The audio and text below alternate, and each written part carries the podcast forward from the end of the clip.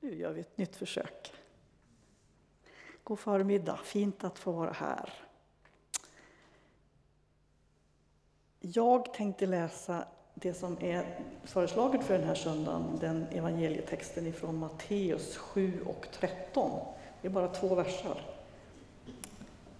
Där det står så här. Gå in genom den trånga porten Ty den port är vid och den väg är bred som leder till fördärvet. Och det är många som går in genom den. Men den port är trång och den väg är smal som leder till livet. Och det är få som finner den. Herre, vi tackar dig för dina ord. Öppna våra hjärtan. Kom och berör oss med din helige Ande. Du vet vad vi behöver, Herre. Led våra tankar och led våra hjärtan. I Jesu namn. Amen. Den här texten är ju hämtad ifrån slutet av bergspredikan. Och det är Jesus som ger oss ett sorts manifest, ett kärnfullt tal som sammanfattar mycket utav allt det som han själv är och lär. Man kan, skulle kunna säga att det är tio Gudsbud 2.0, lite uppdaterad version. Det handlar inte bara om det som är på ytan utan det handlar om någonting som förvandlar inifrån på ett djupare sätt. Och så mynnar det här talet ut i kapitel 7 och det handlar nästan uteslutande om det som är temat för den här söndagen, nämligen urskiljning och andlig klarsyn. Flisan och bjälken läser vi om där. Får och vargar. God och dålig frukt. Att bygga hus på berggrunden eller att bygga hus på lösand. Andlig klarsyn och urskiljning. Det behövs för att vi ska kunna skilja ut ulvarna från fåren, den dåliga frukten från den bra frukten. Rätt och gott från det som leder fel. Att välja rätt väg i livet, inte den där breda vägen och den stora porten, utan den trånga porten och den smala vägen. Vi stannar där en liten stund. Kan man inte ana en sorts motsägelse, tänker jag, när Jesus börjar tala om trånga portar och smala vägar?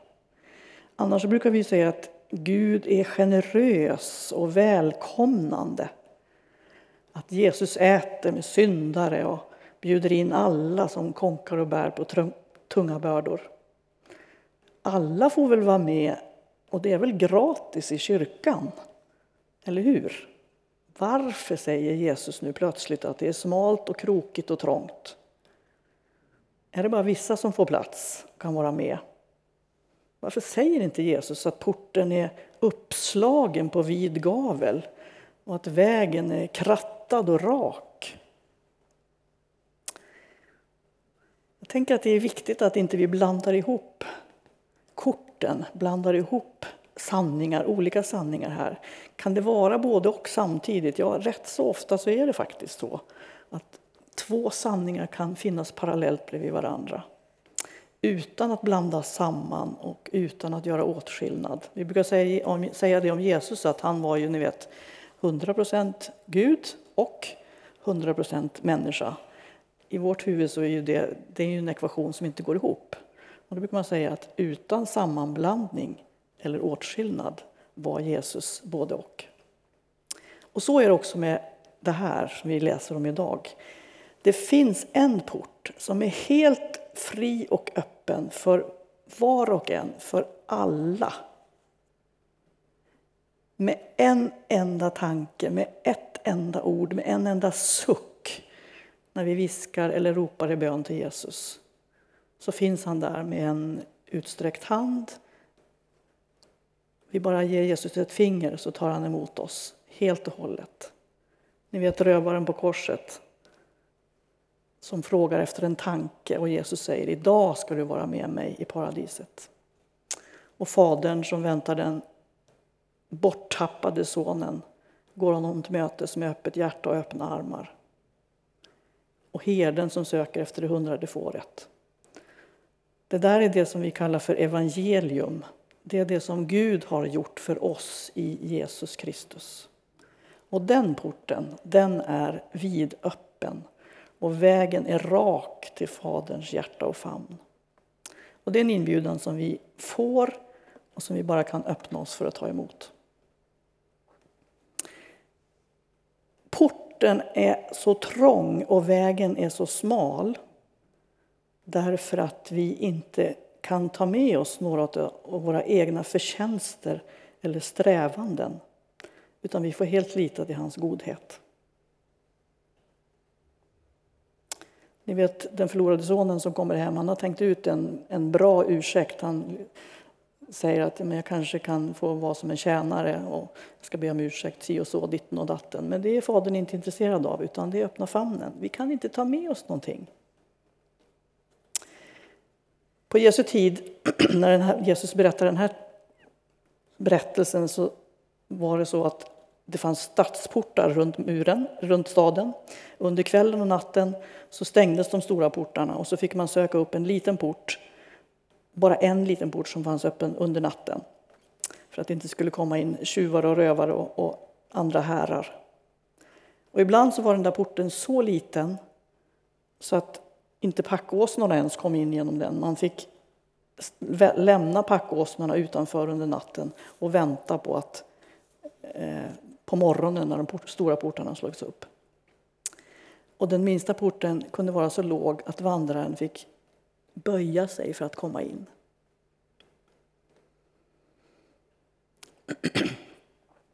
Vem är jag och vem är du? Vad förlitar jag mig på egentligen? vad förlitar du dig på? Vad håller du dig i i livet? Det kan vara rätt så svårt att få syn på det och urskilja vad det egentligen är. Vad sätter du din tillit till? Vad är din trygghet när det gäller? Det kan vara saker som döljer sig och finns där nästan obemärkt men som jag liksom ändå håller mig i.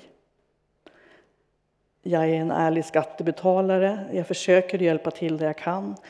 Jag diskar efter de andra på jobbet, kollegorna uppskattar mig, jag är rätt bra på det jag gör. Allt det där kan ju vara bra saker, en god frukt. Men om jag gör det för att det ska räknas mig till godo som någon sorts förtjänst eller trygghet eller när det blir min identitet för att bli godkänd eller ha ett värde inför mig själv inför andra och inte minst inför Gud. Jag har prövat de här sanningarna som jag försöker att leva efter alldeles väldigt under den här vårterminen när jag har försökt att skriva en uppsats. Jag, vet, jag jobbar ju som lärare nu i, på en akademisk högskola och så ska jag skriva en uppsats med allt vad det innebär. Och jag är ju trygg för jag vet att jag är älskad av Gud och mitt värde består inte i hur duktig jag är eller inte. Och jag blir inte frälst för att jag skriver en bra uppsats. Mina kollegor älskar mig om jag, inte misslyck om jag misslyckas eller lyckas och allt det där. Men ni vet hur det är när det kommer till kritan och man sitter, jag sitter där med den där uppsatsen och tänker att jag är dummast i hela världen och hur ska mina kollegor tänka om mig när jag inte klarar det här? Jag kommer aldrig att klara det här och jag är inte tillräcklig och jag är inte... Ja, jag skulle kunna skriva en uppsats om alla mina självanklagelser och tankar om hur jag inte lyckas och jag inte duger och jag inte räcker till. Plötsligt så liksom bubblar det som upp. Det som kanske i vanliga fall när man är rätt så trygg med sina arbetsuppgifter är ganska lugnt. Men när man ska ut liksom på, gå på vatten ni vet, så visar det sig plötsligt att mm, vad var det nu jag hade min trygghet någonstans? Det där goda som vi är och gör kan ibland få en liten sorgkant av egen rättfärdighet. Det är ganska svårt att helt släppa taget om det. Komma, komma tomhänta och nakna in genom porten och helt lita på att det bara handlar om Guds godhet. Men det kan också vara frigörande. Jesus säger den som mister sitt liv ska finna det den som mister sitt liv ska finna det. Det är också lite märkliga ord, men jag tror att det är det här Jesus talar om.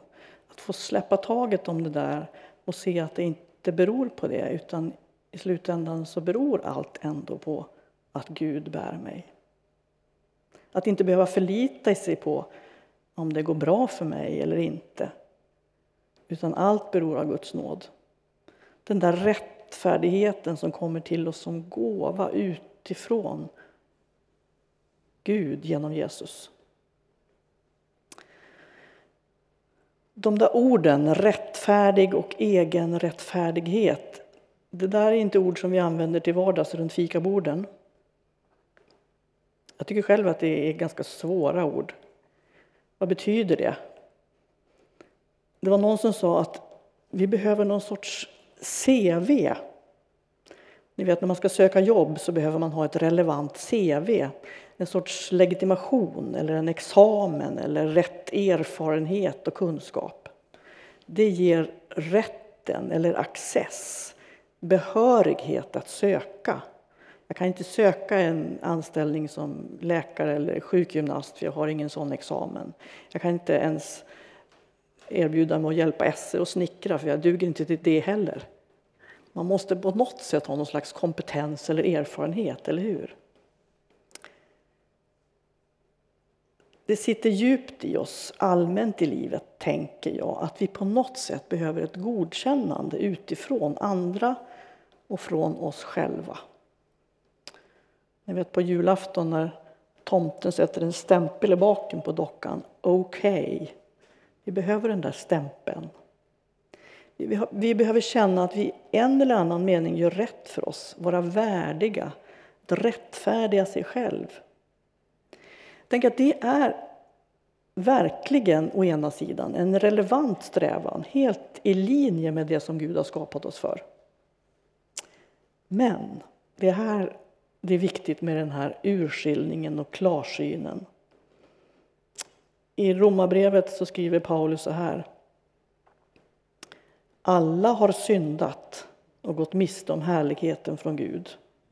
Och utan att förtjäna det har vi gjorts rättfärdiga av hans nåd eftersom han har friköpt dem genom Jesus Kristus. Gud har låtit hans blod bli ett försoningsoffer för dem som tror. Så ville han visa sin rättfärdighet. Det är Guds rättfärdighet som kommer till oss utifrån. Vi kan inte göra det eller bli det i oss själva. Det är bara hans CV som räcker och gäller. Vi får tillgodoräkna oss vad Gud har gjort för oss i Jesus. Och det räcker. Och utifrån det så växer sen allt det där andra som vi behöver göra och välja och vara. Som Lasse läste här i inledningen, ni har inte fått en ande som gör er till slavar så att ni måste leva i fruktan igen. Ni har fått en ande som ger er söners rätt så att ni kan ropa Abba, fader. Anden själv vittnar tillsammans med vår ande om att vi är Guds barn. Ni vet hur det är, barnaskapet kan inte förtjänas. Vi föds in i barnaskapet, eller adopteras, går också bra. Gud har givit oss rätten att vara Guds barn. Och Jesus har gett oss del av sin fullkomlighets-CV. Jag tänker att de här orden, Jesusorden egentligen inte är särskilt kanske varken provocerande eller konstiga. Vi lär oss tidigt i livet att det spelar roll vilken väg vi tar. Alla vägar bär verkligen inte till Rom. Den som drömmer om Paris kan hamna i Hudiksvall, sjunger Euske om. En liten begynnande avvikelse kan i förlängningen leda helt vilse. Det kan vara frestande att säga att behovet av andlig klarsyn och urskiljning aldrig har varit så stort som det är idag, nu i vår tid. Att det aldrig tidigare funnits så många vägval att göra. Och därför är det också väldigt svårt att välja rätt. Jag tror att det ligger en viss sanning i det. Men kanske det också är så, när vi säger så, att vi själva ser med den där bjälken i vårt öga. Det kanske har varit så i alla tider, fast bara på olika sätt, på andra sätt. Att det har varit behov av urskiljning och klarsyn. När man tittar på synonymer till klarsyn så får man upp ord som till exempel insikt, omdöme, uppvaknande och skarpsinne. Och motsatserna till klarsyn skulle kunna vara blindhet, aningslöshet, naivitet, oförstånd eller dumhet. Och vi förstår utav det där att klarsyn och andlig vägledning, eller vä vägledning är någonting viktigt, urskiljning är någonting viktigt. Hur har du det med insikt och omdöme i ditt liv? Var står frågorna för dig? Det är viktigt, vi förstår det. Vad är det som leder rätt och vad är det som är gott? Och det finns ju så otroligt många röster som säger en massa olika saker med bättre eller sämre stöd i fakta och erfarenhet. Och vem utav oss kan hålla sig uppdaterad i allt?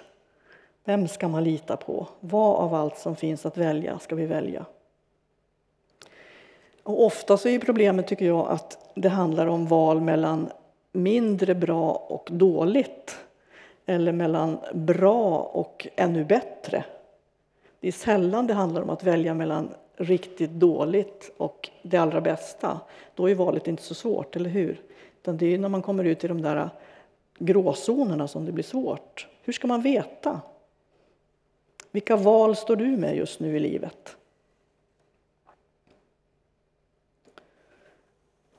I femte Mosebok så säger Gud till Israels folk och till Mose Så välj då livet. Välj då livet. Vart går vägen som leder till livet? Den där smala, trånga som Jesus talar om. Om man läser eh, The Message, ni vet den här översättningen som är lite mer fri text utlagd av Eugene Peterson så säger han så här om den här texten, han, han översätter den så här. Eh, gå inte in genom den trånga porten, eller gå, gå in genom den trånga porten och den smala slingriga vägen. Det översätter han så här. Leta inte efter genvägar till Gud. Marknaden svämmar över av bergsäkra, enkla recept på framgång som man kan tillämpa när man har tid över. Gå inte på det, hur populära de än är. Vägen till livet, till Gud, är kraftfull och kräver total uppmärksamhet. Leta inte efter genvägar till Gud. Marknaden svämmar över av bergsäkra, enkla recept på framgång som man kan tillämpa när man har tid över. Gå inte på det, hur populära de än är. Vägen till livet, till Gud, är kraftfull och kräver total uppmärksamhet. Att följa vägen till livet och Gud kräver vår fulla uppmärksamhet. Jag tänker att vi är flera än jag som har suttit vid ratten och pratat med någon god vän och så upptäcker man att man kört förbi den där avfarten eller svängt fel eller sådär. Därför att man sitter och pratar och tänker på någonting annat. Eh, det är bara gammal vana eller så, som sagt var för att vi är distraherade. Jesus säger själv Sök först Guds rike så ska ni få allt det andra. Det är någon inriktning på full koncentration på att följa Gud, följa Jesus. Full uppmärksamhet behöver vi. Det är lätt att bli distraherad. Det är så mycket som fångar vår uppmärksamhet. Olika saker. Vad fångar din uppmärksamhet?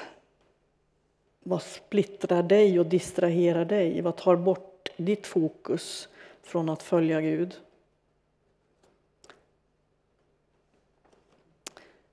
Full uppmärksamhet, det är det första. Det andra, som Eugene Peterson säger, det är att det finns inga genvägar till livet, till Gud. Genvägarna kan locka oss, eller hur? Att gina lite ibland tror jag faktiskt kan fungera och till och med vara ett klokt och ett bra val. man, kan urskilja, man behöver urskilja när det är ett bra val och när det inte är det. Också det måste man urskilja. Men inte alltid är det bra att ta genvägar. Rubrikerna lockar ofta med genvägar. Har ni tänkt på det? Det är lockande för oss. Det kan stå så här till exempel. Så skyddar du enkelt och bäst din trädgård från mördarsnigeln. Eller så står det så här. Så skyddar du, eh, eller så, så här får du en harmonisk semester och semesterkassan att räcka till. Och så kommer det efteråt så här. Läs experternas råd i tre enkla punkter. Och så vet vi ju att det där, när man synar det där så är ju den där genvägen ofta en förenkling eller en ren och skär bluff. Det finns inget som är gratis, även om vi ibland lockas att tro det. Vi vill helst att det ska vara enkelt och smärtfritt. Ibland så säger vi så här att det bästa i livet är gratis och så talar vi om vänskap och kärlek och kramar. Men jag tänker att det är egentligen inte heller sant. Allt som är värdefullt har ett pris, skrev Per Arne Dahl en bok om för några år sedan och den boken handlar om förlåtelse. Kärlek, god vänskap och förlåtelse kostar kanske inte pengar förvisso, men det kostar på, eller hur? Att följa Jesus och gå in genom den grinden, den porten, det kostar på ibland. Det är inte alltid den rakaste vägen, den bredaste porten. Långt ifrån alltid handlar det om att följa med strömmen. Att följa Jesus, jag tänker att det egentligen inte ligger riktigt för oss. Å ena sidan, fast å andra sidan så är vi ju skapade och tänkta för det. Och ändå finns det ett motstånd i oss. Vi vill, men vi vill inte. Som det är med så mycket för oss i livet. Vi vill ju träna och vara i form, men det är jobbigt och blir sällan av. Vi vill ju tänka och tala goda uppmuntrande ord till omgivningen. Men det är verkligen en utmaning som åtminstone jag får jobba med. Jag har ibland sagt till nyblivna föräldrar, ni vet när man får en annan person i livet som plötsligt kräver all ens uppmärksamhet, som inte låter en sova och som ställer oändliga krav på en att man måste sätta sig själv åt sidan. Att egot vrider sig som masken på en krok. Jag tycker jag ser det och känner igen det från mig själv också, att sätta sig själv åt sidan. Egot vrider sig som masken på en krok. Att följa Jesus, han som gick till korset, bli lik honom. Att ödmjukt anta en tjänares gestalt. Allt det där är svårt. Det kostar. Det kostar Jesus livet. Det går inte helt, för, helt av sig själv för dig och mig heller. Och ofta så kanske vi erfar att misslyckandena är fler än framgångarna. Ty den som vill rädda sitt liv ska mista det, men den som mister sitt liv för min skull, han ska rädda det, påminner Jesus om oss om.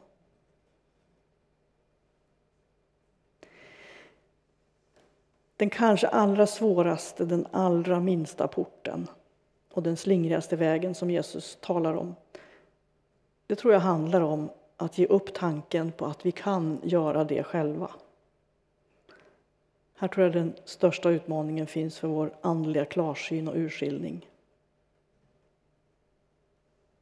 Det handlar till slut inte om vår förmåga att spänna oss, att välja och att göra rätt i alla lägen. Vi behöver varandra för att vägleda varandra och vi behöver den helige Ande. Och djupast så handlar det om att lära känna Jesus och lita på att han kan leda oss, hjälpa oss. Inte minst när vi misslyckas och inte kan. Eller kanske det som är svårt för oss egentligen precis just då. När vi misslyckas, när vi inte kan. Innan vi liksom har snyggat till det själva. Där är Jesus och vill möta oss. Vi kan inte själva, vi är helt beroende av honom. Och det är en frihet när vi hittar det, men det är också en kamp att våga släppa taget. Vi är inte slavar och tjänare.